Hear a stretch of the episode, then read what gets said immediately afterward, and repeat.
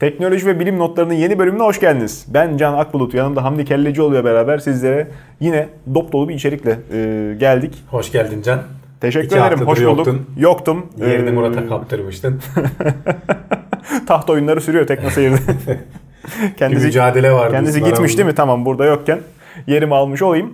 Ee, haberlerimiz dop dolu. Evet. Kısa gündemlerden şikayet ediyordu arkadaşlar galiba. Ee, biz Ya o, o haftalarda hem haber azdı hem de Murat senin gibi böyle haberler arası geçişle uğraşıyor. Sündürmüyor giriyor. diyorsun. Evet yani konu. Anladım. o yüzden İyi. süre kısalıyor ister istemez. 4 saatlik bir gündem yayınıyla inşallah şimdi arkadaşları tatmin etmeye çalışacağız. Sevinirler valla. Bil- bilmiyorum. Bir kısmı sevinir, bir kısmı örselenir. Blue Origin ilk haberimizin başlığı. Yine uzayın e, derinliklerine doğru e, yol almaya başlayalım. 8. kez, test evet. uçuşu e, yapmışlar ama bu sefer atmosferi aşmışlar. Ya uzayın e, sınırı hani kabaca kabul edilen bir 100 kilometre e, yükseklik sınırı var. Çünkü kabaca geçmeyi gaz gitgide inceldiği için Hayır, dünyadan- kesin sınırdan bahsedemeyiz ama hani Tabii. 100 kilometrenin ötesi artık uzay olarak kabul ediliyor. Tabii. Ondan öncesi hala atmosfer, dünya atmosferi olarak düşünülüyor. Blue Origin'de biliyorsun Jeff Bezos'un girişimi işte SpaceX'in en önemli rakiplerinden birisi. Ee, New Shepard diye bir küçük hani SpaceX'in o Falcon'ları gibi büyük bir uzay aracı değil. Bu nispeten turizm amaçlı küçük. Ee, büyük bir tane de tasarlıyorlar. Ge- Gerçekten SpaceX'e rakip olacak. New Glenn onun ismi de. Onun daha galiba hiç fırlatması falan olmadı ama bu New Shepard'ın bu 8. fırlatması artık e, 100 kilometrelik sınırı da aştılar. Hedefleri 107 idi. E, 105,5 mu 106,5 mu hani öyle bir sınıra kadar yükseltmeyi başarmışlar. Ve tekrar tabii dünyaya düzgün bir şekilde hem birinci aşamasını hem de işte o kapsül kısmını indirmeyi Harika. başardılar. E, 10 dakikalık falan gibi bir görev aslında bu. Yani çok kısa sürüyor zaten. Hani birinci aşamanın inmesi 7 dakika sürüyor. İşte kapsülün de paraşütle süzülerek inmesi 10 dakika sürüyor. Bunu e, turizm amaçlı kullanmak üzere tasarlıyorlar ve 2018'in içinde e, insanlı göreve çıkacaklarını söylüyorlar. Hani belki biraz gecikse 2019'a falan kayabilir. Görev mi diyelim, deney mi? yani. De- görev mi diyelim yine, deneme uçuşu mu? Ya tabii ki deneme uçuşu olacaktır. Hani içinde insanların olduğu hani şey değil. İş yapmıyor sonuçta. Dediğin gibi turizm maksatlı olduğundan dolayı. Daha değil ama işte çok yakın artık. Baya şey olarak Yani- yakın. Hani bu SpaceX'ten farkı o. SpaceX daha uzak mesafelere e, tamam onlar da yolcu taşıyacaklar ama günün birinde e, şimdilik kargo şeyi yaparken yolculukları yaparken hep e, Blue Origin firması Bir uzay nefesi aldırıp geri döndürecek. evet yani, Yani bu adamlardan sana- uzay istasyonuna parça taşımaları beklenmiyor. Şu an için Yapacakları iş. beklenmiyor. E Tabii. tabii İleride kısa onlar vadede. da zaten E tabii tabii. dediğim gibi SpaceX'in işine talip olma durumu var. New Za- Glenn roketiyle. Zaten an itibariyle birbirleriyle e, çok çetin atışmamalarının da esprisi e, görev dağılımı Yani tat, tatlı birbirlerine laf sokuyorlar tabii. Hani Elon Musk'la Jeff Bezos Twitter üzerinden yazışıyor bazen. Doğru ama işte aynı e, yerden nemalanmak bir taraftan iyidir bir taraftan da işte şeyi daralttığından dolayı pazarı da- daralttığından dolayı Ama sıkıntı. pazar İki daral, farklı yere oynuyorlar. mı, genişleyecek mi bilmiyorum. Yani pazar büyüyecek sonuçta. Yani uzay Muhakkak, pazarı. muhakkak. Ee, uzay pazarı nasıl bir şey bir laf E, işte olduysa. düşün. E, uzaycılık faaliyetleri büyüyecek can ilerleyen dönemde. Hani bu kesin. E, işte turizmi olsun, madenciliği olsun, taşımacılığı olsun. Belki Mars'ta işte koloniydi vesaireydi falan. E işte bunların ilk adımlarını görüyoruz. Herkes de bu alandan bir şeyler kopma peş, koparma peşinde. Eski tip hani büyük firmalar biraz geri kalmış durumdalar işte mesela Boeing gibi e, veya işte başka e, roket firmaları. Tamam onlar da belki yakalanırsa İşleri çok var. ciddi rekabet olacak. Başka işleri var. Meşguller. Ya o ayrı başka işleri mutlaka var ama bu alanda da işte geri kalmamaları lazım. Yenilikçilik bu açıdan küçüklere çok yarar. Yeni Tabii. kuralların konması, yeni ufukların açılması. Hali hazırda bir elinde bir şey üretmekte olan e, firma için o aynı zamanda pranga. Doğru. Mevcut ürününü bırakıp da Boeing şimdi aldığı uçak siparişlerinin bilmem kaç yüz tanesini iptal edip kendini uzaya mı vakfetsin? Kaynak Veya ellerindeki işte araştırmaları, motorları falan tamamen bırakıp yeni bir şeye geçme masrafına E işte- katlanmak yerine onları geliştireceğiz diye bazen o işe yaramıyor. Bazen ters tepebiliyor işte. yakinen takip ettiğim otomotiv sektöründe bunun çok iyi örneği e, gözlemledik. İşte Tesla. Tesla'nın çıkışı elektrikli araba sanki başkası yapamıyor gibi bir atmosfer oluştu. Halbuki e, Çok gerçekten de yapamıyorlar. Gerçekten de evet. yapamıyorlar çünkü yapmalarına e, ürettikleri ürün engel. Adam zaten yaptığı milyar do- e, milyarlarca işte para yatırdığı birimi neyse Ama işte orada şey var. sistemden Pazar vazgeçmek istemiyor. sonunda değişecekse sen yapmıyorsan bir başkası yapıyor. Seni ona zorluyor gene. E burada da Bu uzayda da öyle olacak. Tabii. Otomobilde de öyle oluyor zaten. yöneticilik başarısı herhalde veya başarısızlığı orada e, tartabilmek. Hani sadece üretim olarak Refleksi dengelemek. yazılımda da bu. Microsoft'un hantallığı biliyorsun geri kalmasına neden oldu. E tabii. Bazı alanlarda. İşte Google çıktı, Facebook çıktı. Google bile bazen hantal kaldı Facebook'un İşte karşısında. Burada başarı ölçütü Ne nedir? Yenilikçilikse geri kalmış dersin ama ekonomik istikrarsa yani Microsoft'un durumu da ortada. E, tabii tabii. O zaman Yani başarısızlık demek da kendine göre avantajları var. tabii. Çevik Yanlış olmanın olabilir. da kendine göre avantajları var. İşte hepsi e, kendince şu anda e, oyunun belli yerlerinde aslında iyi işler çıkartıyorlar. Gelecekte de dediğin gibi uzay çobanlığına kadar gidecek bir e, yeni sektör patlıyor. Bakalım. Sonuçlarını göreceğiz. Avrupa Uzay Ajansı'ndan bir sonraki haberimiz geliyor. Samanyolu'nun şimdiye kadar yapılmış en ayrıntılı haritasını yayınlamışlar. Ee, İzleyicilerimiz de ulaşıp e, herhalde linkini veririz. Ama YouTube'a vermeyiz. teknoseyir.com sitesine veririz. Yani YouTube'da linkler düzgün olmadığı uzun için. uzun eklediğimiz zaman problem oluyor. Yani çok fazla haber olduğu için. Tek tük bir iki link olduğu zaman koyuyoruz zaten. Onda sorun yok. Hem sitemize gelin farenizin kliği aşınmaz. Evet. Hem de oradan Ee, düzgün görmüş olun.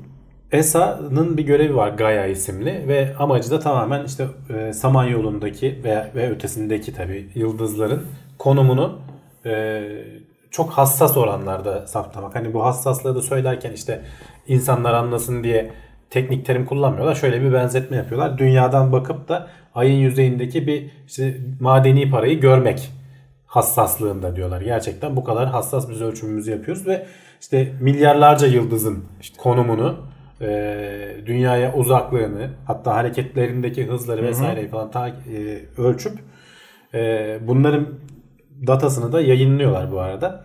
İşte daha önce de bir yayınlamışlardı. O zaman 100 milyon civarı yıldızın datası vardı. Şimdi 1.7 milyara ulaşmışlar.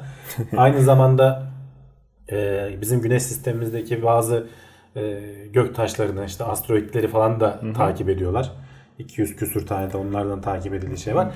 Bunun e, çok Samanyolu'nun güzel 3 boyutlu bir haritasını hazırlıyorlar. E, buradaki verilerden yararlanarak. YouTube'da falan da şeyleri var. 3 boyutlu videoları falan var. Ona bakabilirler. Verdiğimiz bağlantıda videolar var. E, bayağı güzel bir şey. Görsel. Bu tarz işler benim çok ilgimi çeker. Zira yani büyük ölçüde şu anda safsata gördüğümüz şey.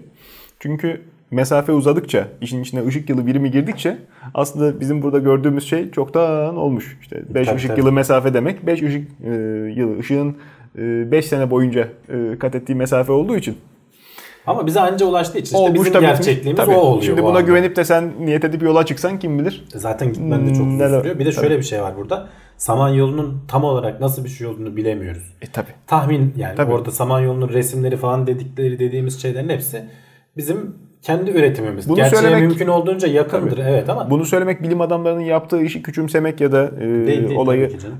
e, basite indirgemek değil ama bu şekilde düşündüğünüz zaman gökyüzüne baktığınızda da aslında zamanda yolculuk yaptığınızı idrak etmek hakikaten enteresan bir e, beyin fırtınasını start veriyor. E, o yüzden ilgilenenler bakarlarsa hakikaten eğlenceli e, bir şey. evet. Ama işte Hyper Speed miydi? Neydi? E, Millennium Falcon'un. Warp speed var, E warp işte. hızı vesaire. Öyle bir şeylere e, abanıp da buna niyet edip yola çıkarlarsa hüsrana uğramaları kuvvetle muhtemel. Onların hepsi daha bilim kurgu. öyle öyle. Belki günün birinde Biraz da gerçek, bilimsi- gerçek olacak. Bilimsiz kurgu. Kıldım bunu Yani da o kadar o mesafeler uzak ki can yani böyle herhangi bir şeye sığınmadan işte ışık hızını geçebilecek. Işık hızı yetmiyor. Onu geçmen lazım. Geçebilecek bir bilim kurgusal bir temeli olan bir teknolojiye dayanmadan öyle galaksileri fethetmek, yıldızlar arası yolculuk yapmak Yani falan. sen burada Afganistan'ı fethedemiyorsun galaksinin öbür tarafında ne Yani. yapacağım bir de.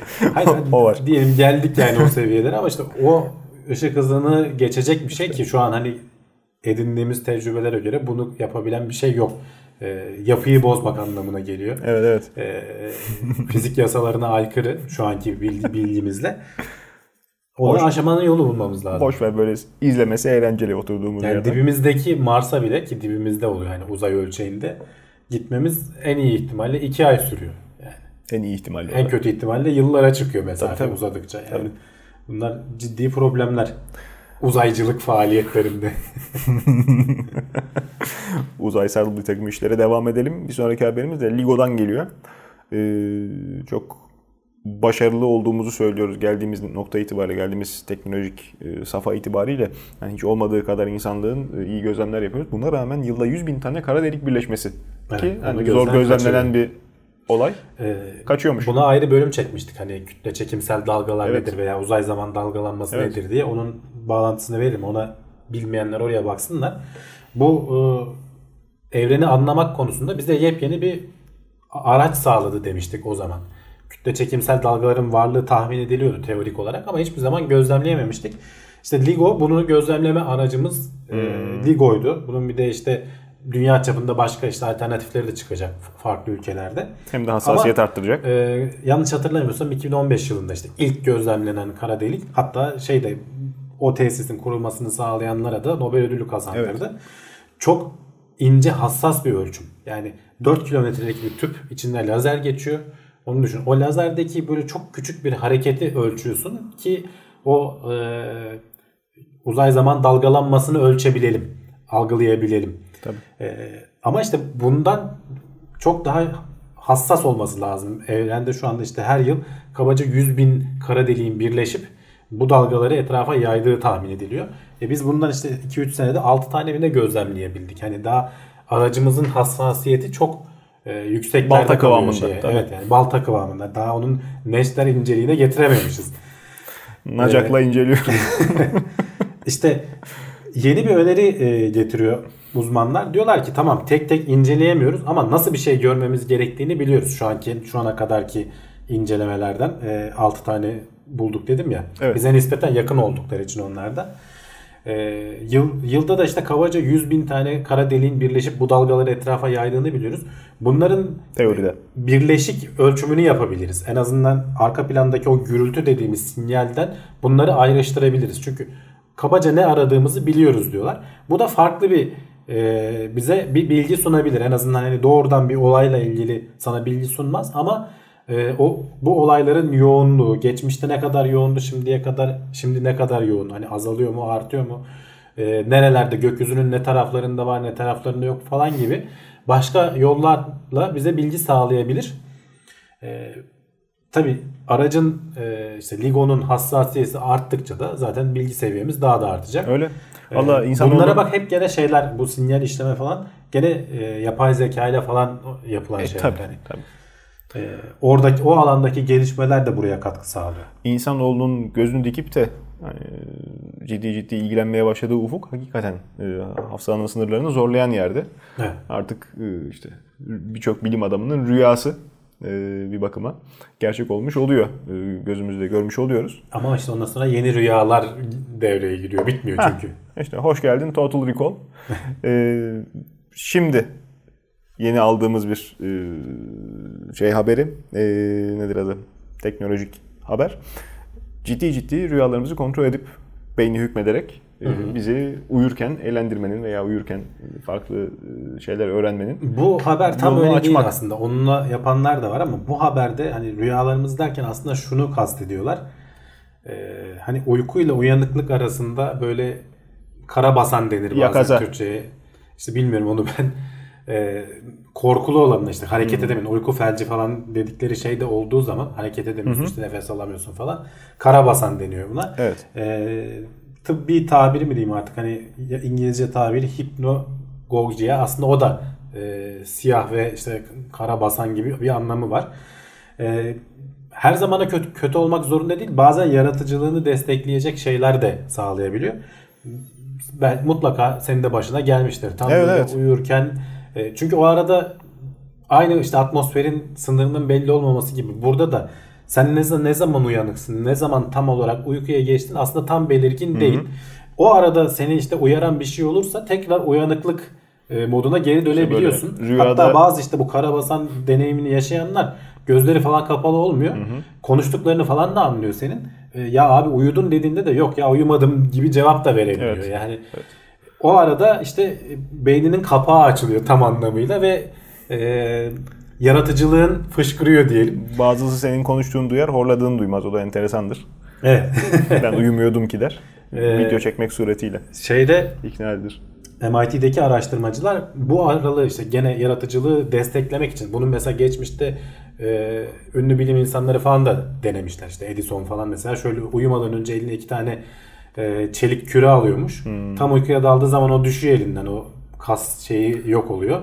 Gürültüyle uyanıyor. Tekrar o arayı bunun mümkün olduğunca uzatmaya çalışıyor ki işte yaratıcılığım artsın diye. Evet. Ee, ve bunu araştırıyorlar aslında. Bu gerçekten yaratıcılığa hizmet ediyor mu? İşte bu süreyi ne kadar uzatabiliriz? insanları bu seviyede nasıl tutabiliriz? Bununla ilgili e, cihazlar geliştiriyorlar. Tabi henüz daha prototip aşamasında. Cihazın yaptığı da aslında bir cihaz dediğim e, birkaç prototipi var. Bir tanesi eldiven. Gene elini sıkmanı istiyor. O elin hmm. yumuşadığı zaman işte kas gerilimini ölçüp seni uyarabiliyor yanındaki işte bir cep telefonu uygulaması mesela can uyan falan gibi veya düşünmeni istediği bir şey varsa o kelimeyi söylüyor. Sen onunla ilgili şeyler görmeye başlıyorsun. Ee, bazı denekler mesela çatalla ilgili çatalı söylemişler. Çatalla ilgili e, hiç aklına gelmiyor. Farklı kullanım senaryolarını düşün diyorlar. E, çatalı ne işe yaratabilirsin diye. E, ilginç şeyler ortaya çıkmış. Şimdi uykuya Ama, dalma anı. Buyur. Ama şeyi ölçmek çok zor. Mesele orada zaten. Yaratıcılık artıyor mu, azalıyor ha, mu? Hani yaratıcılık nedir? Bunun ölçmesi zaten başlı işte Şu anda zor. yaptığımız yaratıcı bir eylem mi? Evet. E, uykuya dalma anının en çok irdelendiği şey pilotaj aslında. E, insanlar araba kullanırken tabi e, uçak kullanırken çok sıkı denetimler, belli prosedürler göz önünde bulundurulduğu için o risk artık ortadan kalkmış oluyor pilotların yediği içtiğine, beslenmesine kadar e, muayene altında tutulduğu için otomotiv öyle değil. E, özellikle işte ticari araçlar da her ne kadar gelişmiş memleketlerde denetim altında olsa da e, binek otomobiller biraz daha gevşek. İnsanlar işte 3 saatte bir kültür fizik hareketi yapıp kenara çekmek zor geliyor. Evet, Uzun yol özellikle işte Almancıların yaptığı kazalar meşhurdur. E, kaptırıp buraya kadar gelip de iki gün uykusuz ee, son kilometrelerde hadi artık az kaldı şey yaptık diye çok e, aile e, sıkıntı yaşamıştı. Uykusuz kaldığın zaman zaten direkt reflekslerin etkileniyor yani. Ve insan fark etmiyor refleksin etkilendiğini. Ee, iki farklı üslup izliyor e, otomotiv üreticileri, geliştiriciler. Bir tanesi işte bugün bizim çok sık dile getirdiğimiz otomatik e, pilot, otonom destekler. Hı. Sen uykuya daldığın zaman arabanın kontrolünün, arabanın kendisinin devralması.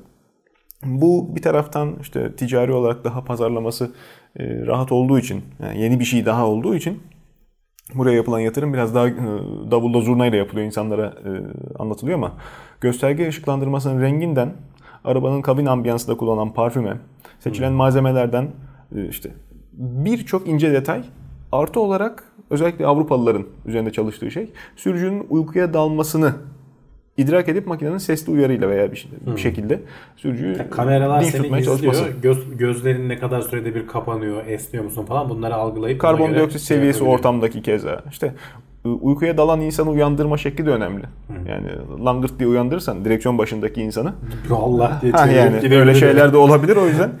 O hassas bir durum. Yani burada da mesela bu e, MIT'deki araştırmacılar da hani eldiven falan dedim ya Hı-hı. en son prototiplerinde herhangi bir şey böyle işte kafaya takılan falan bir şey de değil. Senin göz hareketlerinden algılayacağız Tabii. biz diyor ki Tabii. kullanımı da kolay olsun. İnsanlara Tabii. bunu bir ürün olarak sunmayı hedefliyor. Heh, bak işte ürün olarak en çok burada da işe yarayabilir. Hı hı. Yani sadece Tabii, fantazi girişi veya işte boş ıı, lakırdı diye bakmamak lazım. Teknolojiye buradan da belki katkısı olur. Kuantum dolaşıklığı bir sonraki konumuz ilk kez büyük ölçekte gözlemlenmiş. Nedir abi kuantum evet. dolaşıklığı? Kuantum dolaşıklığını anlatması zor Can. Ee, şöyle söyleyebiliriz. Hani e, bir parçanın eşiyle beraber hani öyle anlatayım çok basit bir şekilde hmm. alıp aralarını ayırabiliyorsun. İşte bir tanesi ışık yolu ötede olsun, bir tanesi burada olsun. Ee, sen bunu gözlemlediğin anda aynı anda öteki de bunun tersi e, konuma geçiyor. İşte bunun spin deniyor mesela veya işte e, fotonsa eğer işte madde ile antimadde gibi mi? olabilir. Hı? Madde ile antimadde gibi Yok mi? öyle değil işte. Yani bu e, elektronsa mesela elektron çiftlerinin hı hı. bir tanesi işte po, yukarı spinli ise bir tanesi aşağı spinli oluyor. Anlatması zor dedim o baya temel bilgi gerektirdiği için e, biraz zor diyorum. Bunları sen eşlenik elektronları ayırıp bir tanesini ne ama bilmiyorsun o anda spinleri aşağı mı yukarı mı bilmiyorsun. Hı hı. Bir tanesini çok uzağa da götürsen bu zaten şaşırtıcı olması Einstein'ın ürpertici diyor spooky diyor buna.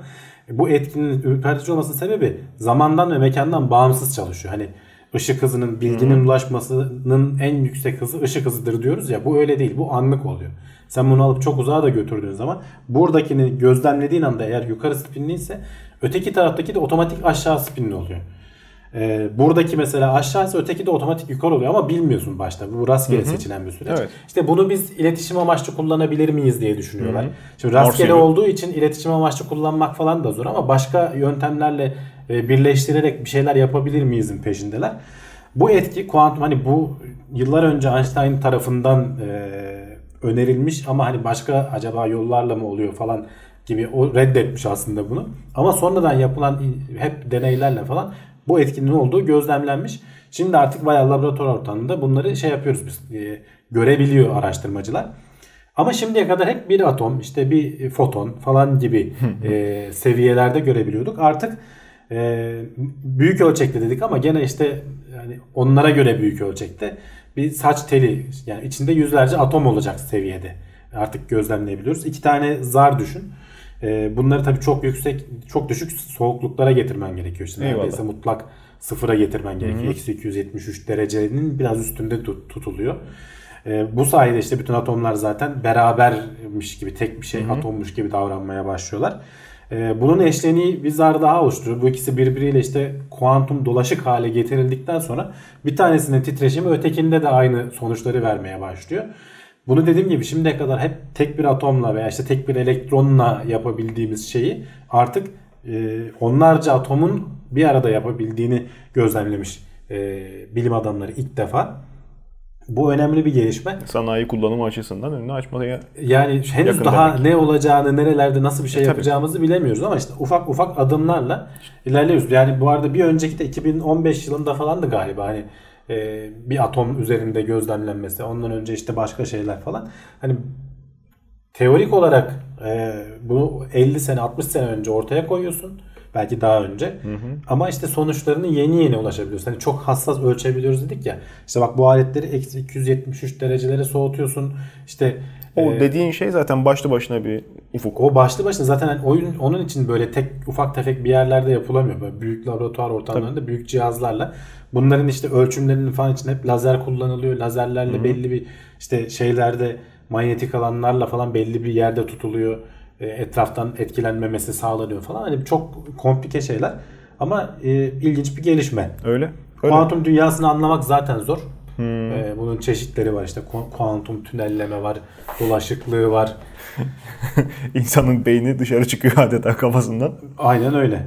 Bir sonraki... Yani ben çok okuduğum halde bazı şeyleri hmm. tekrar tekrar okumam gerekiyor ki kafamda yer etsin. Nasıl çalıştığını anlayabileyim. Bir sonraki haberimiz de bununla alakalı. Ee, tıp dünyasına mı geçiyoruz diyelim? Vücudumuzu tanıyalım evet, köşesine evet. mi? Ee, domuz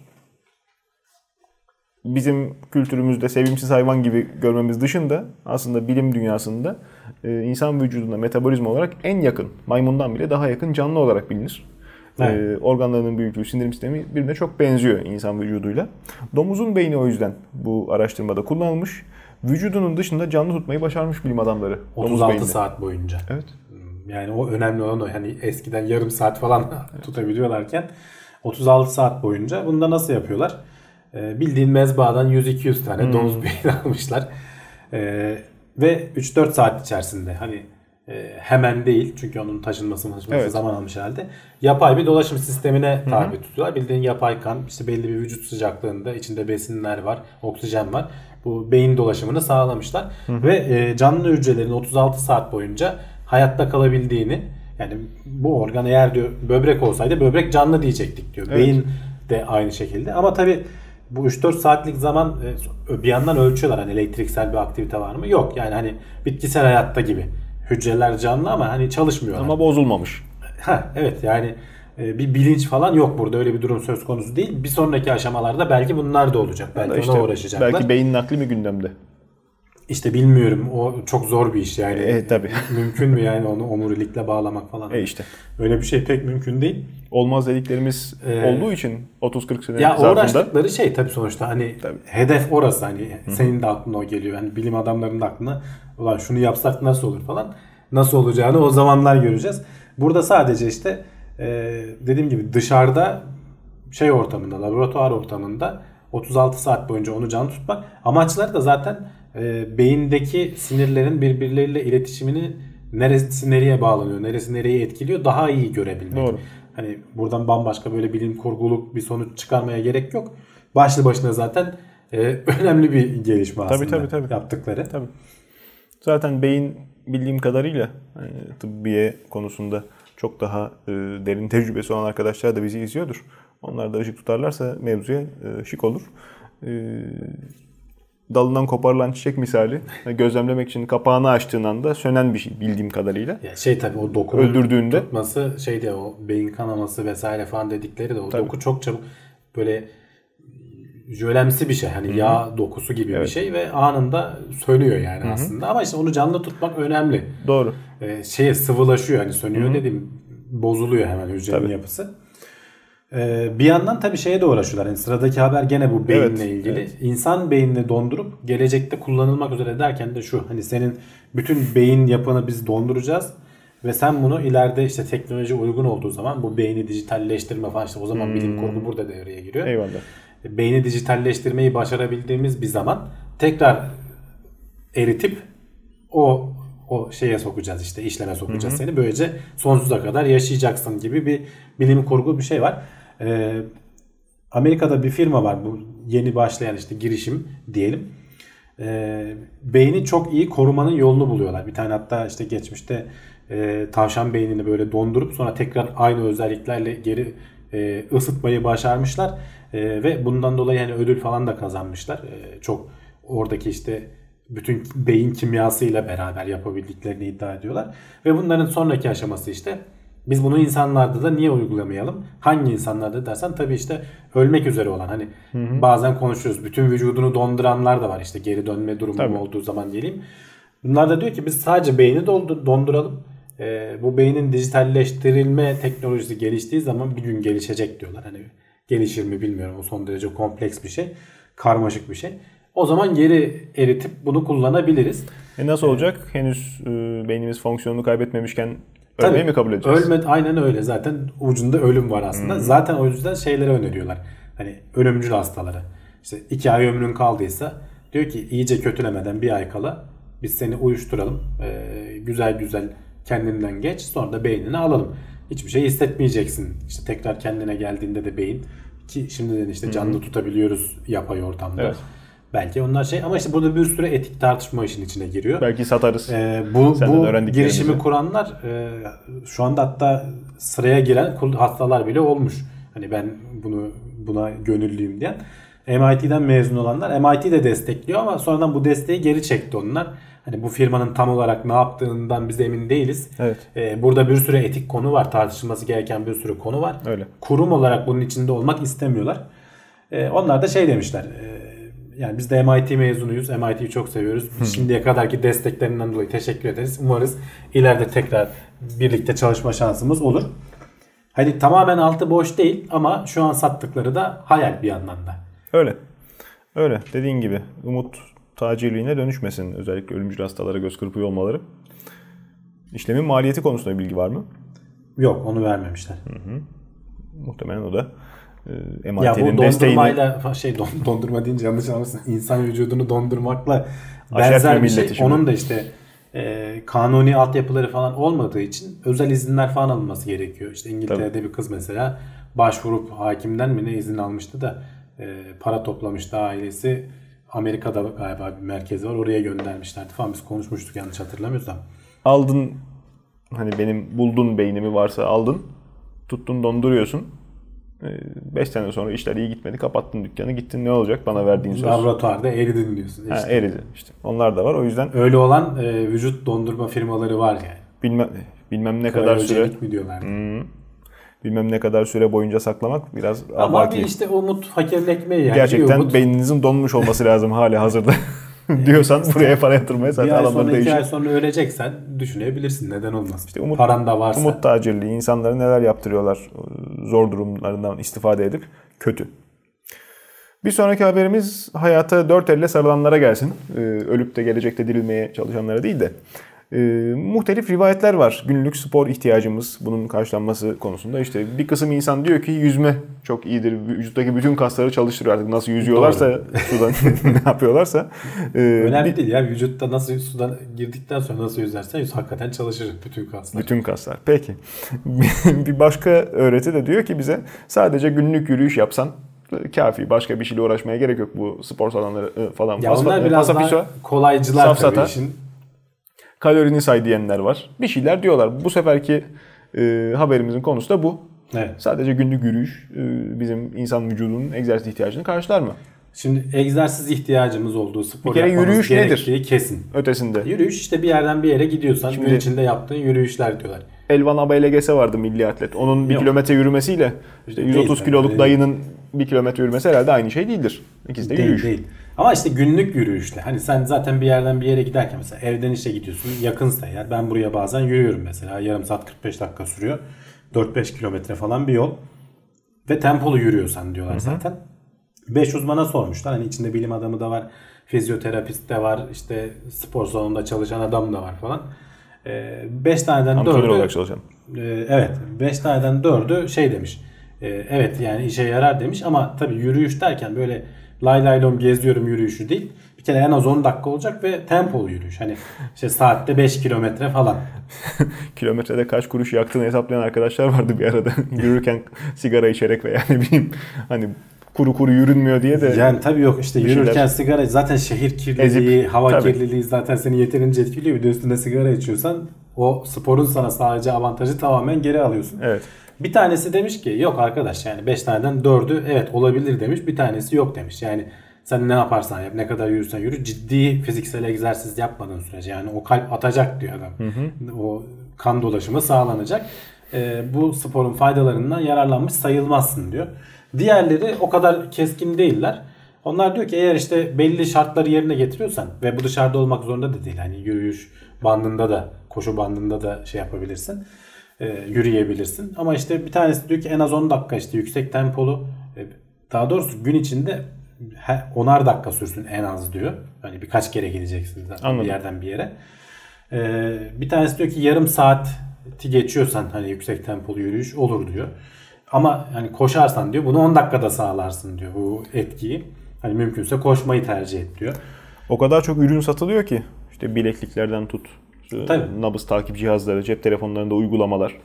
Yani bunların da bir onlar, pazarı var onlar, ciddi ciddi. Onlarda pazar var da Can şey eklemek zor. Mesela spor için bir zaman ayırıp mesela ben günün içinde yaptığım işlerden 45 dakikamı ayırıp veya bir saatimi ayırıp spor yapmaya kalktığım zaman o iş sıkıntıya giriyor. Ben de öyle. Ama ne yapıyorum? İşe geleceğim zaten. Evden çıkıyorum. Yüksek tempoyla yürüye yürüye buraya geliyorum. E, o arada zaman geçmiş oluyor. Bir şeyler dinliyorsun falan bir dönem bir ben bütçeyi de ayarladım. İşte yakın takip eden arkadaşlar bilirler ben eski modelciyim. Ee, hobi faaliyetlerini severim. Ee, bir dönem bütçeyi de ayarladım. Ciddi ciddi bisiklet alacaktım. Ama basit bir bisiklet değil. Güzel bir bisiklet almak üzere kafaya koymuştum. Bisikleti günlük hayatıma sokamadım. Ne yaptım ettim. Ciddi ciddi fizibilite çalışması yaptım. Kullandığım rotaları, güzergahları. Hani alternatif nereden bisikletle ulaşımımı sağlayabilirim diye olmuyor. Bisikleti sadece bisiklete binmek için İstanbul içerisinde konuşuyorum. Ee, bisiklete bineceksen alıp bisikletini parkura gidip orada bilmek suretiyle yani kullanabiliyorsun. Gözünü karartırsan şehir içinde de binersin de işte Olmuyor. biraz gözünü karartmak Emniyet şeridi yani. ne gözü karartması? Diğer insanlara da zarar, kendine de zarar. Emniyet şeridinin olmadığı o kadar çok yol var ki. Tabii. Ağır Ama vesayetin... yolda değil işte kaldırımdan falan gideceksin yani hani kaldırım, yerlerde. Kaldırım dediğin şey de tekerlek için tasarlanmıyor. E tabi. Orada da inişi çıkışı oluyor bazen bir de iş falan. İniş çıkış bir de üstüne işte kraterler oluyor, güzel sürprizler oluyor. Eh. Ee, o yüzden işte o yüzden mesela Hayata bisikletle falan kasmayacaksın. Yürümek zaten en basit şey. Ee, ben mesela gelirken bir de sırtıma çantayı da alıyorum ister istemez dizüstü bilgisayarı taşıyacağım falan diye bazen veya elbiseleri taşıyacağım Roma diye. askeri gibi. Hayır ağırlık da oluyor. Çünkü şey demişler madem yürüyorsun eline hafif ağırlık alırsan kolların da çalışır demiş mesela uzmanlardan biri. Sadece bacaklarını çalıştırmak zorunda değilsin. Yürürken Hı-hı. al eline iki tane işte birer kiloluk alırlar ya bazen. Onları da böyle sallaya sallaya yürürsen şu kollar da çalışmış olur. Böylece vücudunu hani spor yapmadan günlük ihtiyacını karşılayacak kadar ama günde diyor ki yarım saat falan en az yürümen lazım. Fıkrası vardı onun. Kötü de bir fıkradır. Fani dünya başlıklı.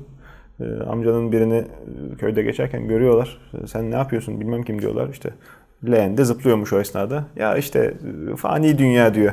Ee, bilmem kimin çamaşırını yıkıyorum. E peki diyor sırtındaki şey ne? E, o da fani dünya diyor. Sırtımda da işte yayık var bilmem kim emminin e, sütün tereyağı yapıyorum. tamam da diyor elinde niye tef var? Diyor ki fani dünya işte bir taraftan da boş durmayayım. Öbür tarafta tarlaya şey konmasın e, kuşmuş onları kovalıyorum. Ulan diyor fani dünyayken bu kadar çalışıyorsun falan. Baki olsa ne yapacaksın? O hesap. E, yürürken elinde dumbbell'la insan görmek de herhalde enteresan bir manzara olurdu. Ya dumbbell Cin fikirmiş. şey, kollara sarılan mesela ağırlık torbaları falan da oluyor. Yani bulursun onun şeylerini yolunu. Eğer istiyorsan sen yürü de kollarımda çalışsın diyorsan geldiğin zaman durduğun yerde 10 tane de şınav çekersin. Bak bunlar zaten. modern hayatın sıkıntısı aynı zamanda abi. Ee, Tabii. Ulaşım kolaylaştı. Ulaşım kolaylaştıkça, Tabii, mobilize oldukça e, bir taraftan yürüyüş, spor yapmak için insanlar yeni yerler aramaya başladı. Yeni yöntemler aramaya başladılar. Ya işte normal hayatının içine yedirebiliyorsan daha rahat oluyor. Ama yedirdiğini de zannedebiliyorsun. Senin demin dediğin şey çok Tabii. önemliydi. Ben sigaradan girince e, karşılığında hava kirliliğinin gelmesi antitez olarak çok makul. E, spor yapıyoruz diye biz bütün yapıyorsun. rezalete dönmesin. Kanser ihtimalini arttırıyorsun bir yandan. Öyle, öyle. Yapacak bir şey yok. Bir Onu sonraki haberimiz- konuştuk Murat'la. Evet, evet. Bir sonraki haberimiz Avrupa Birliği'nden e, gelen böcek ilacı yasaklama e, kararı. Yani e, onların da Önemli bir karar. çok ciddi tesiri var e, tabiata. Ya şimdi hep bir ara İnsanlığa. duyuyorsundur. Bizde de belki konusu geçmiştir şimdi tam hatırlayamıyorum da. Ee, arıların bir anda kaybolduğu yani eskiye göre. Ee, Evet. Arılar sayısı azalıyor. Toplu arı ölümleri. yu- evet Çok toplu defa. ölümler oluyor. İşte yuvaların sayısı azalıyor falan. Hani bunun sebebini de tam olarak bulamıyorlar aslında Hmm. bilim insanları. Ee, ama işte Yersen tam olarak bulamıyorlar deniyor. Yok Açık- arılar konusunda öyle de. Açıklanmıyor bu, bir kısmı e, da. Böcek ilacı dediğimiz ki bu arıları da etkiliyor aynı zamanda. Tabii büyük oranda da arılar için yapıldığı söyleniyor. Bu neonikotinoid deniyor bunlara. E, Neonix de deniyormuş kısaltma olarak. E, böcekler için sinir ilacı gibi bir şey aslında. Hani sinirlerin çalışmasını engelleyip öldürüyor hayvanları. Ve tarımda ciddi anlamda kullanılan bir şey. E, bunu sıktığın zaman hani gelip de hakikaten böcekler dadanamıyor. Dolayısıyla e, İşte faydalı arılar böcek de da dadanamıyor. e, çiçeklere dadanamıyor. Çünkü bunları sıktığın zaman durmuyorlar. Suda çözünebilen şeyler toprağa karışıyor, doğaya karışıyor. Ve e, son zamanlarda yapılan araştırmalarda sadece böcekleri değil bazı kuşları öldürdüğü falan da gözlemlenmiş. Toz alınan püskül, püskül. Çin'de bir ara insanlar işte arı yokluğunda meyve bahçelerinde işçi tutmuşlardı. Püsküllerle tek tek çiçekleri birbirine bulaştırıp öyle yapay döllenme peşine düşmüşlerdi. E, yapacak arı şey yok. yokluğunda. Evet, yani. Çok ciddi bir sıkıntı. Sıkıntı tabii. Yani farkında olmadan e, bayağı bir dengeyi bozuyorsun aslında. Hani arılar bir anda ortadan kalktığı Öyle. zaman. E, işte Avrupa Birliği bu yılın sonundan itibaren bunların açık alanda kullanılmasını yasaklıyor. Gene serada falan kullanabilirsin. Hani etrafa yayılmayacak şekilde kontrollü bir şekilde kullanabilirsin diyor adam. E, tabii. ama e, şeye e, doğaya açık büyük bir ilaçlama faaliyetine girişmen yasaklanıyor. Tarım ilaçlarında zaten kapalı mekan kullanımıyla, tarım demeyelim de işte haşere ilaçlarında kapalı mekan kullanımıyla açık alan kullanımı arasında bariz doz farkı var. E, tabii. Biraz da Bir yani tanesi uçup gidiyor yani. ha, uçup gidiyor ama nereye gidiyor sanki e, E işte atmosferden evet, tabii çıkıp doğaya gidiyor gibi bakıyor karışıyor, çiftçi. Hayır Tabii. uçmasa bile, uçucu olmasa bile işte dediğim gibi yağmur yağdığı zaman o toprağa iniyor. O yeraltı sularına karışıyor. O sular akarsulara karışıyor. Yani sadece işte böcekleri etkilediği düşünülerek kullanılan bir ilaç 80'lerde başlanmış. Ondan önce daha da zehirlileri kullanıyormuşuz. Hani bakma hani bu aslında o zamanki teknolojiye göre gelişme. Ama artık şimdi de bunun da etkisinin hani istediğimizden daha fazla olduğu ortaya çıktığı için Organik- Avrupa Birliği yasaklamış. Kanada'da da benzer şey var. Amerika'da yasaklamayı düşünüyor. Bizim burada Bizde durum nedir bilmiyorum. yazlıkçı teyzelerimiz, amcalarımız organik tarım yaptım diye bahçedeki elma ağacından kopartıp hars diye ısır veriyorlar. Yanındaki tarlanın ne sıktığından haberi yok. Haberin yok evet. O Doğru. yüzden çok çok ciddi sıkıntı. İnşallah yani ilaçlara genel bir düzenleme gelir. Bir sonraki haberimiz e, izleyicilerimizin de beynini bükme eğiliminde. E, Teknoseyir programı dahilinde de işte gelen yorumlardan gözlemlediğimiz e, çıkan arızalar veya işte uzayıp giden tartışmalarda hani birçok defa e, şahit olduğumuz şey e, kamuoyu manipülasyonunda da herhalde istifade edilen bir e, bilimsel e, Tabii. data. Buradaki haberde konu düşüncelere paralel gelen yorumlar. Yani bizim kulağımıza hoş gelen yorumları katı doğrularmış, kesin kes doğrularmış gibi sindirme eğilimimiz Anında kabul ediyorsun. olduğu ispat edilmiş. Ya bu her insan için geçerli bir şey. E tabii. E, ispat edilmiş değil. Zaten biliniyor da bunun nasıl çalıştığını ve neler yapılabilir falan bilim insanları onu araştırıyorlar. Hani psikoloji deneyleri aslında bunlar. Hani her insanda biz de aslında kendi hayatımızda gözlemliyoruz. Kendinden de gözlemleyebilirsin.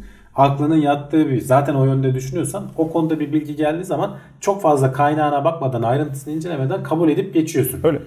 Ee, ama işte bu bilimsel andan, alanda çalışıyorsan zaten çok önemli bir tehlike. Bunu hani bu hataya düşmemen lazım. Ee, burada da psikoloji e, uzmanları bir deney yapmışlar. Ve akıllıca deneyler gerçekten yani bu durumu ortaya çıkarmak için. Sana bazı cümleler veriyorlar. Cümleler gramer açısından bozuk. Hı-hı. Diyor ki gramer açısından bozuk olanları tespit edin. E, ama cümlelerin sana söylediği yorumlar da var. İşte mesela internet insanları yalnızlaştırıyor diyor. E, bir şey ifade ediyor. Senin de bu yönde bir düşüncen vardır olumlu veya olumsuz. Ama işte oradaki gramer hatasını bulman eğer senin olumlu düşünüyorsan gramer hatasını bulman çok daha hızlı oluyor. Çünkü kafa yormuyorsun. Hemen kabul edip geçiyorsun. Sonra hataya odaklanıyorsun. Ama senin düşüncelerine ters bir şey geldiği zaman beyin bir afallıyor orada. Bir sürü yer yanmaya başlıyor beyinde. E, farklı yerler çalışmaya başlıyor. Önce onu bir proses ediyorsun e, kafandan. Ondan sonra gramer hatası var mı yok mu buluyorsun veya hatta bazen bulamıyorsun. Gözden kaçırıyorsun. Çok ilginç. Seni meşgul ediyor yani. Hı hı. Dolayısıyla hani beyinde biliyorsun mümkün olduğunca az kısa yoldan işleri halletmeye çalışmaya yönelik. Çünkü çok enerji az enerji harcamak için aynen. Ee, dolayısıyla zaten inandığın yönde bir şey geldiği zaman kabul edip geçiyorsun. Bu sana bir rahatlık sağlıyor ama işte o her zaman doğru olmayabiliyor. Evet. Ona dikkat etmek lazım. Ee, kendi hayatında da hani günlük gündelik hayatında da düşündüğün şeyler her zaman geçerli olmayabilir. Her zaman bir açık kapı bırakmakta fayda var. Evet, evet. Bilim insanları genelde hani bu şekilde düşünecek şekilde zaten eğitimleri oluyor. E, yaptıkları testlerde vesairede falan. E, bu o hataları mümkün eğitim, olduğunca düşmemen lazım. Bu konuda işte kişisel kontrol çok zor. Eğitim e, ne kadar yapılsa da lafta kalıverir. E, fiiliyata dönmez. Ya bak mesela az önce e, söyledim ya bilim insanları da hani sonuçta insan yani. Mesela Einstein bu işte kuantum dolaşıklığının uzaktan Hı-hı. etkisinin olamayacağını düşünüyor. Yani o, öyle bir şey olamaz diyor hani evrende mümkün değil. Hani olmaması lazım. Başka açıklamalar getirmeye çalışıyor. Tamam karşı taraf da o devirde hani elde veri yokmuş vesaire falan ama e, sonuçta bunu olabilir ya biz bakalım diye sonraki bilim insanları geldikçe onun ölçüm çürüterek ilerlemişler. Gözlem sınırlı olduğu için. Tabii. E, o dönemde dediğin gibi yani bu şekilde yaklaşması yine insaflı bile olmuş. Tabii. Ee, olup da işte tutup hata üzerine gidip çünkü para yakmak daha büyük sıkıntı yapılan yatırımlar. Bunlar ucuz çalışmalar değil. Değil. Yani, yani bilim, kendi bilim insanları genelde halde. işte bu tarz şeylere e, zaten hani şey olarak da e, bir araştırmaya başlamadan önce işte danışmanın varsa onlar Hı-hı. falan hepsini yönlendiriyorlar mümkün olduğunca işte veya etik tartışmalar oluyorsa mesela bir etik kuruldan falan geçmen evet. gerekiyor. E, o işte bunlar hep Hı-hı. kurulmuş şeyler, e, mekanizmalar bu tarz hataları minimuma indirmek için. Tamamen kötü niyet de olabilir. Hani bazen oluyor sonuçta insan. Evet. evet. Onları da engelliyorsun bu sayede. Evet, üst üste çok fazla beyinle ilgili haber gelmiş bu hafta. Ee, ilk tam penis nakli Amerika'da gerçekleştirilmiş sıradaki haberimiz. Ee, başlığı bu. Ee, daha önceden yapılmış can penis, penis nakli ama bu muhtelif organ nakilleri hatta memleketimizde de çoklu organ nakilleri denendi. Yani nakli bir kısmı başarılı oldu. Şimdi bu mesela şeye giriyor. Hayati olmayan organ nakline giriyor. Bunun e, görece e, şeyi farklı ne denir hayatını kolaylaştırma, normalleştirmeye yönelik. Hı hı. Yapılan e, adam Amerikalı bir asker Afganistan'da yaralanmış. E, uygunsuz yerinden yaralanmış yani yazık. E, evet. İşte bu ameliyatla normal hayata bilim insanları da bu 5 yıldır araştırıyorlar. Hani kadavralar üzerinde testler yapıyorlar. Nasıl yaklaşabiliriz, nasıl ilerleyebiliriz falan. E, ve hani herkes bazen reddetme şansı falan da var. Ee, herkesin kabul edebileceği Rengi bir ameliyat değil. Falan. Bu e, arkadaş ismi gizleniyor, açıklanmıyor. E, şey yapıyor, çok hevesli. Hani bu istiyorum diyor. Normal hayatıma dönmek istiyorum. Ve işte penis, işte o testis torbası dediğimiz ve karnın bir kısmı. Yani bayağı büyük bir doku aslında. Evet. Topluca naklediliyor ve hani bunu vücudun reddetme ihtimali var. Şimdilik öyle bir durum olmadığı söyleniyor. E, işte e, ilk testlere de hatta başlanacakmış eğer bir e, sıkıntı yoksa. işte ilk testinde işte idrar çıkışı doğru bir şekilde oluyor mu? Düşün yani bak e, o bölgede e, 4 tane işte 3-4 tane atar damar, işte 2-3 tane toplar damar, 2 tane sinir, işte idrar yolu bunları bağlıyorlar. E, e tabi bu hasta sonuçta hayatının sonuna kadar da bağışıklık sistemini baskılayacak ilaç kullanmak zorunda kalacak ki vücut sonradan da reddedebiliyor. Yani onu bir kere aldım e, kabul ettim diye bir durum yok. Şaka maka evet. Ee, yani şey üzerinde ilginç, Can, e, burada asıl ilginç olan noktalardan biri testisleri e, ayırarak e, bu aktarımı gerçekleştirmişler. Çünkü Hı. teorik olarak adamın çocuğu olma ihtimali var. Ama donörün çocuğu oluyor. Adamın çocuğu olmuyor. Aa. Ee, öteki adamdan hani izin almak vesaire veya işte etik tartışmaları aşmak çok problem olacağı için testisler olmadan nakledilmiş.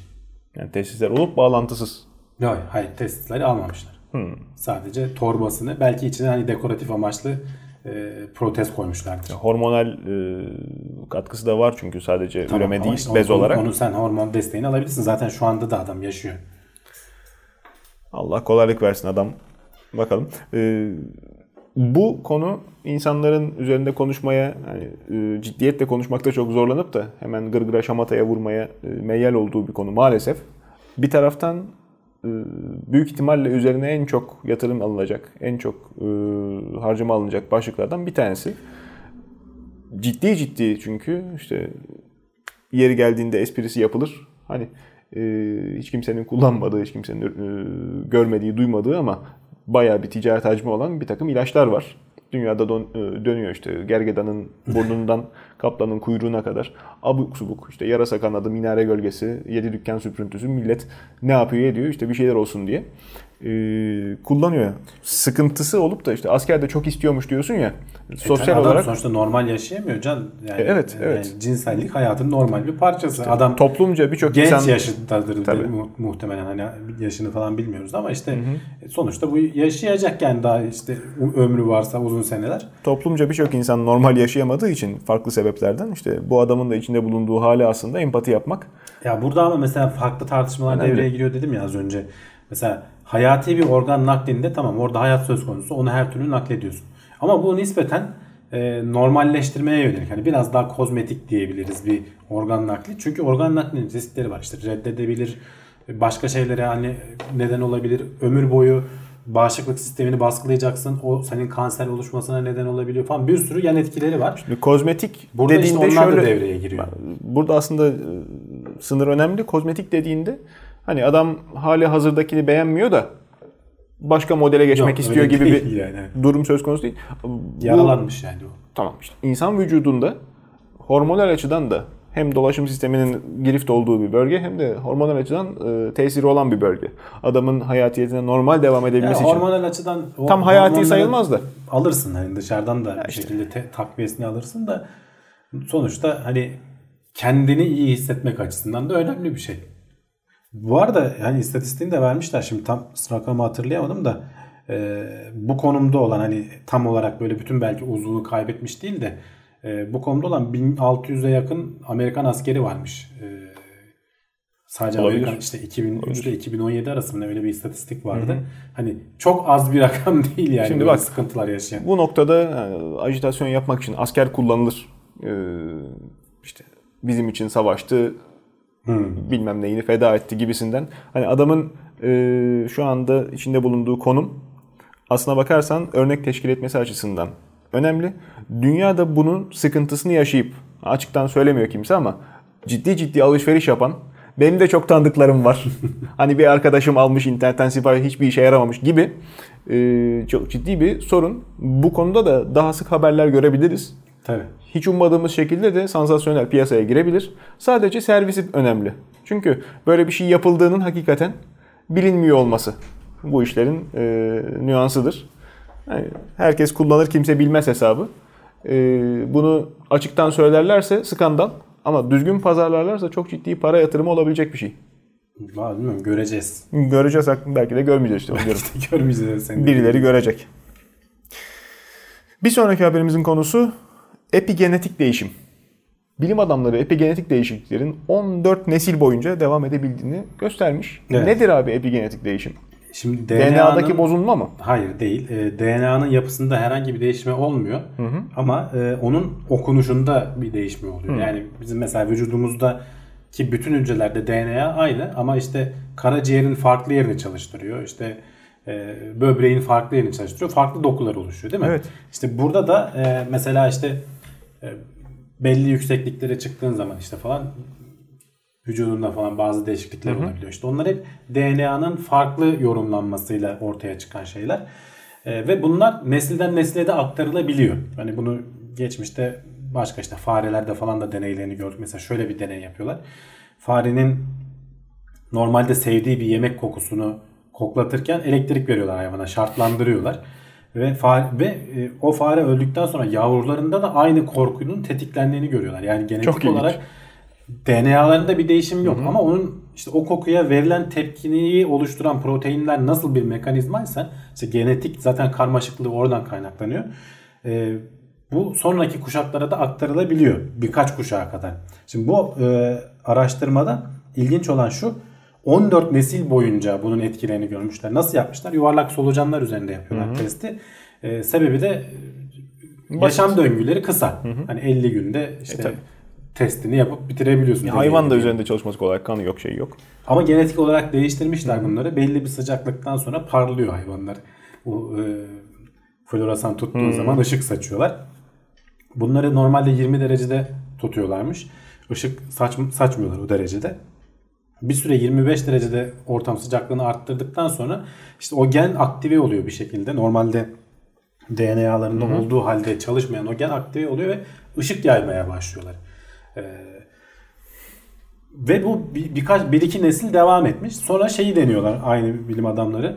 Ee, 25 derecede 5 nesil boyunca tutuyorlar. Artık iyice o e- epigenetik e, değişikliği işliyorlar hayvanların Evet. diyelim DNA'sına. Ondan sonra tekrar soğuk ortama aldıklarında onlardan devam eden 14 nesil boyunca Soğuk ışımaya- 20 derece. 20 derece evet. Yani o aradaki işte o şey tetikleme mekanizmasını kaldırdıklarında 14 nesil boyunca normale dönene kadar 14 nesil boyunca ki şimdiye kadar en uzun görülen şey e, bu etkilerin devam ettiği gözlemlenmiş. E, insanlar üzerinde falan da benzer etkilerin gözlemlendiği durumlar var ama tabii bizim ömrümüz uzun e, tutulan datalar sorunlu geçmişte. Belki yine O yüzden emin olamıyorsun. baştaki Mesela- fare örneği gibi. Kan kokusuna verilen reaksiyon. Yok şöyle mesela edilmesi. şeyler var. Mesela 2. Dünya Savaşı'nda Almanya'da mı Hollanda'da mı ne bir açlık e, krizi ge- geçirilmiş. O krizden sonra doğan e, çocuklarda işte belli bir hastalığın görülme oranı artıyor. Eyvallah. Mesela ve bunu bunu buna bağlayanlar var. Ben benzer şekilde e, İskandinav ülkelerinde bir yerde bir e, bir durum var. E, ama işte bunlardan %100 emin olamıyorsun. Laboratuvar ortamında yapılmış deneyler değil çünkü. Tabii. E, ama buraya bağlanabiliyor. Fareler üzerinde yapılmış işte birkaç nesil devam eden. E, solucanlar üzerinde 14 nesil boyunca devam edebilmiş. Şu an rekor orada. Evet. Yani DNA değil mesele sadece. Onun nasıl yorumlandığı da e, hücrenin içerisinde o mekanizmalar na- neyse işte epigenetik bunu inceleyen bilim zaten. Biyolojide çok e, basma kalıp kabul edilen şeylerden biri daha belki değişiyor. Yani şu Vücuttaki anda- bireysel modifikasyonlar bir sonraki nesle aktarılmaz ya. Yani sporcunun çocuğu söyleyeyim, olmaz. evet. Belki de işte tesiri Ama işte var. belki de etkisi var. Ee, belki hani çok dramatik değil ama çok böyle işte birkaç nesil boyunca sen bir şeye maruz kalırsan ondan sonra da belki etki olabilir. Olabilir. Hani doğada bunun ne faydası var dersen e, işte şey olabilir. E, ne denir? Nesiller arasında hani ortam koşullarına uyum sağlamak. Bir çeşit hafıza gibi bir şekil şey düşünülebilir. Doğru. Bir faydası var ki bu sonuçları görüyoruz. İşte yakın zamanda e, yine sıkıntılı konu hayvan av- avcılığı. E, çıngıraklı yılanların çıngırağının küçüldüğü, köreldiği haberdi ya. E, nasıl avlıyorlar hayvanı? Sesini duyup Sesini duyup geliyorlar. Çıngıraklı yılanın savunma mekanizması ne? E, hasmını korkutmak. Çıngır çıngır sallıyor. E, ses çıkarıp hasım korkmadığı zaman sıkıntı işte. işte hayvancağız onu e, yapamaya yapamaya artık e, bilmem kaç sene önceki çıngıraklı yılanlardan bariz şekilde çıngırağı körelmiş küçük yılanlar piyasaya hakim. Şeyde de vardı ya ayıların e, yavrularını Genetik bir sene hafıza. daha fazla Evet. yanlarında tutma Evet, eğilimi. evet, evet. Ya işte bunlar hepsi bir arada çalışıyor. Yani E, bu doğru. e, doğal seçilim baskısı bir etki ediyor. Bu epigenetik değişiklikler bir etki ediyor. DNA'da gerçekten olan değişiklikler etki ediyor. Zaten genetik biliminin sonuçlarını değerlendirmek o yüzden çok karışık. Çok fazla işin içinde etken var. Öyle. Öyle. Yeni yeni daha yüzeyi kazıyıp altından Hı-hı. bir şeyler çıkarmaya başladı. Bir taraftan da işte genetiğin güzel tarafı bizim bütün konular teknoloji hususunda işte bilim e, girift. O yüzden e, basitken belki işte dehalar görüyorduk piyasada herkes e, her işi uzmanı gibi gezip e, ahkam kesiveren bugün artık bilim adamları çok çok özel şeylerde Tabii. sınırlı olmasına rağmen karşılıklı konuşarak fikir alışverişiyle bir ilerleme kaydedebiliyorlar. Yani ee, bir projeyi birden fazla işte Nobel'lere bakarsan hep evet. ikişer üçer kişi alıyor evet. yani.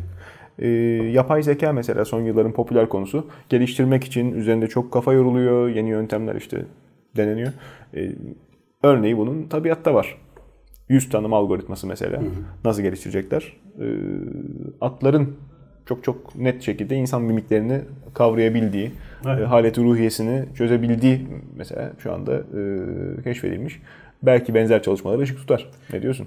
Ya atlar tabii bir yüz yıl önce falan çok daha hayatımızın içindeydi. Artık e, tamamen eğlence unsuru olarak. Şimdi ismini versek mi vermesek mi? Çok meşhur bir İngiliz otomobil dergisinin attığı başlık var 1900'lerin başında. İşte 1900 tek hane. Ee, diyor ki otomobil e, tamam var. Dergi de otomobil dergisi. Hmm. O, önemli nüans. E, atlar e, hayatın vazgeçilmesidir. Otomobil geçici heves. Atlar her zaman hayatımızda olacak şeklinde işte talihsiz o, başlıkları var. evet ya öyle talihsiz başlıklar var. Ee, işte atlar sonuçta insanlarla hani belki kendileri de aslında bir çeşit sürü hayvanları e, vahşi doğada. Hı hı. İşte insanlarla etkileşimlerinden de belki etkilenmişler. Yüz insan ifadelerini tanıyıp bunları anlamlandırmada ve sonradan e, hatırlama konusunda çok iyiler.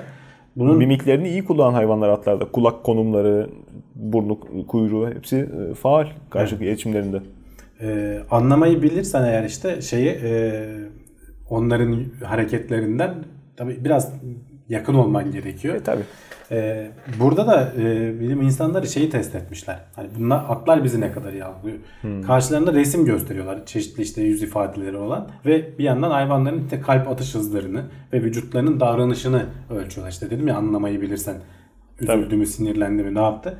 Ee, sinirli insanlar hani kötü bakan insanlara kalp atışları hızlanıyor. Hemen işte vücut şekilleri değişiyor. Hmm.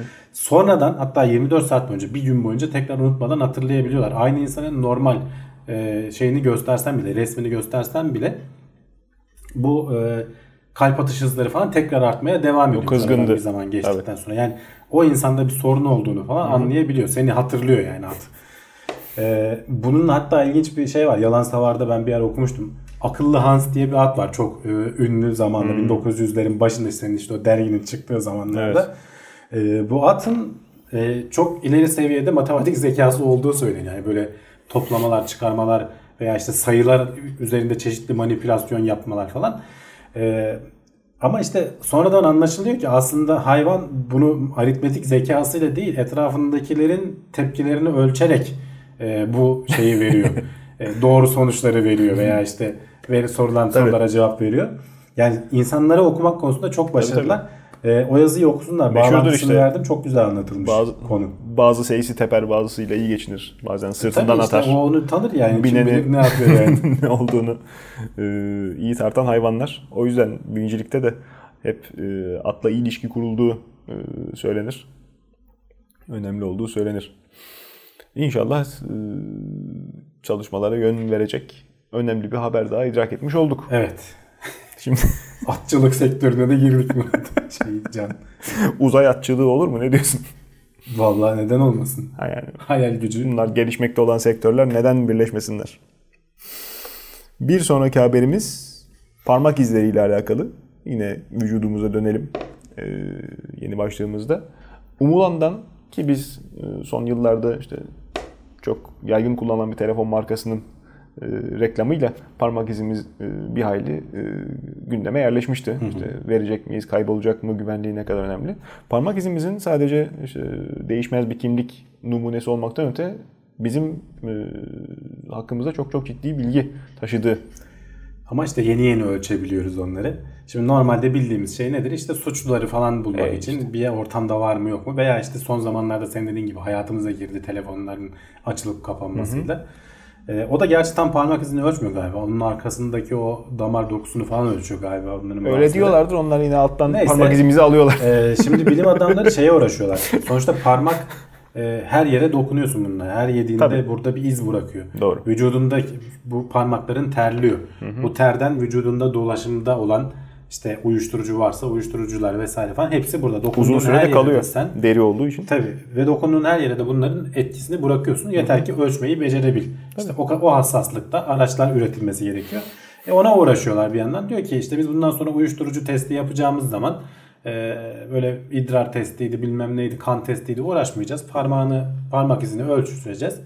Uyuşturucu kullanıyor musun kullanmıyor musun söyleyeceğiz diyor. Veya e, sadece uyuşturucuyla da sınırlama. İşte mesela akıl hastalarında oluyor ya bazen hani ilaçlarını almayı reddediyorlar falan düzenli almaları gerekiyor. İşte onlar için mesela sorarak öğreniyorsun çünkü aldım Doğru. aldım. E almadığını nereden bileceksin adamın? Kan testi yapacak değilsin her dakika. Oradan basit bir e, ölçümle e, alıp almadığını söyleyebilir. Aynı şekilde gene bu polise de yarar. Hani adamın sadece parmak izi değil adamın profilini çıkarmak açısından işte bu şu ilacı kullanıyor şöyle yapıyor.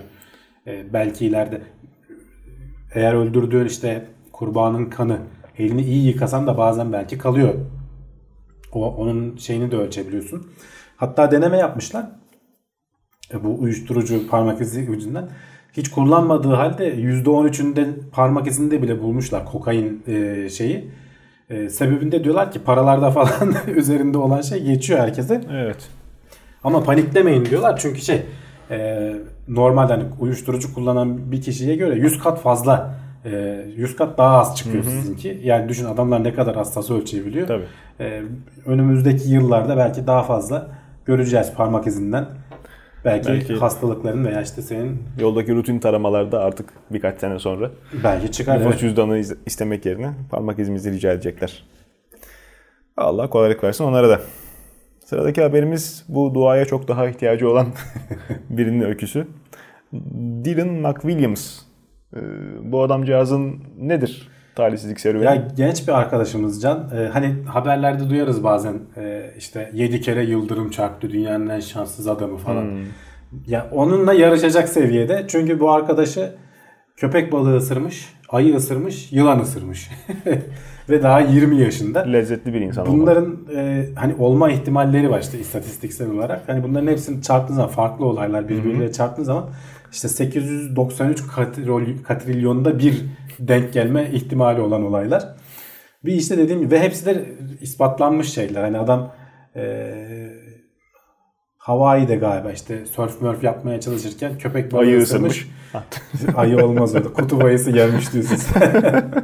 o da olur yani. Dördüncüsü de ki. olur. Öyle gidiyor yani. Surf yap surf yaparken köpek balığı geliyor. Evet. Teperek uzaklaştırıyor hayvanı ama yedi dikiş atılıyor bacağına. Hani biraz kapmış ve diş izlerinden köpek balığı olduğu biliyor. De, dokümanlara geçmiş yani. Sonra işte bir yerde kamp kurmuş dağda uyurken gelip ayı kafasını ısırmış. Ayı- Ayının gözüne elini sokmuş hayvan. Hayvanı sonra orman korucuları buluyorlar. E, ve adamın e, hayvanın pençelerinde adamın kanı var. Hani bu da dokümante edilmiş. Bu da gerçekten var. E, sonra gene bir gün yürüyüş yaparken gene böyle doğada e, çıngıraklı yılan galiba veya engerek artık bilmiyorum neyse. Oranın şey yılanı ısırmış. Onda diyor ki çok az ısırdı diyor. Eminim diyor hani zarar görmeyeceğime. Zehirli hastaneye falan gitmedim. 2-3 gün evde hasta yattım diyor. Kurtuldum diyor. Bunların hepsini topladığın zaman işte dediğim gibi 893 katrilyonda bir ard arda yıldırım çarpmamış bu arkadaşın derdi hayvanlarla. Başarısızlıklarının devamını dört gözle İşte bekliyor. diyor bundan sonra kutup ayısı sendromu o da üstüne eklenirse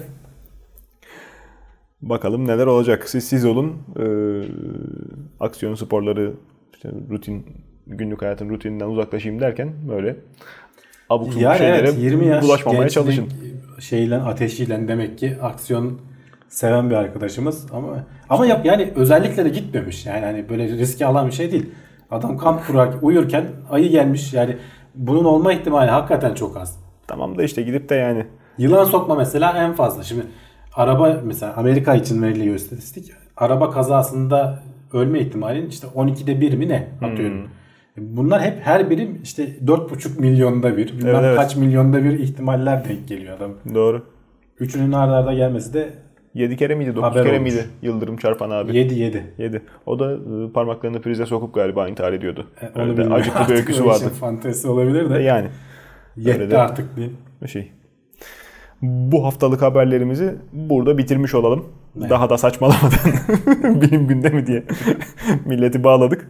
Affınıza sığınıyoruz. Sonraki ıı, programda ıı, artık haftaya bir mani olmazsa gel, gelmiş olacağız inşallah. 1 Mayıs İşçi Bayramınızı da kutlarız evet. vesileyle. İyi seyirler. Bizi takip etmeye devam edin.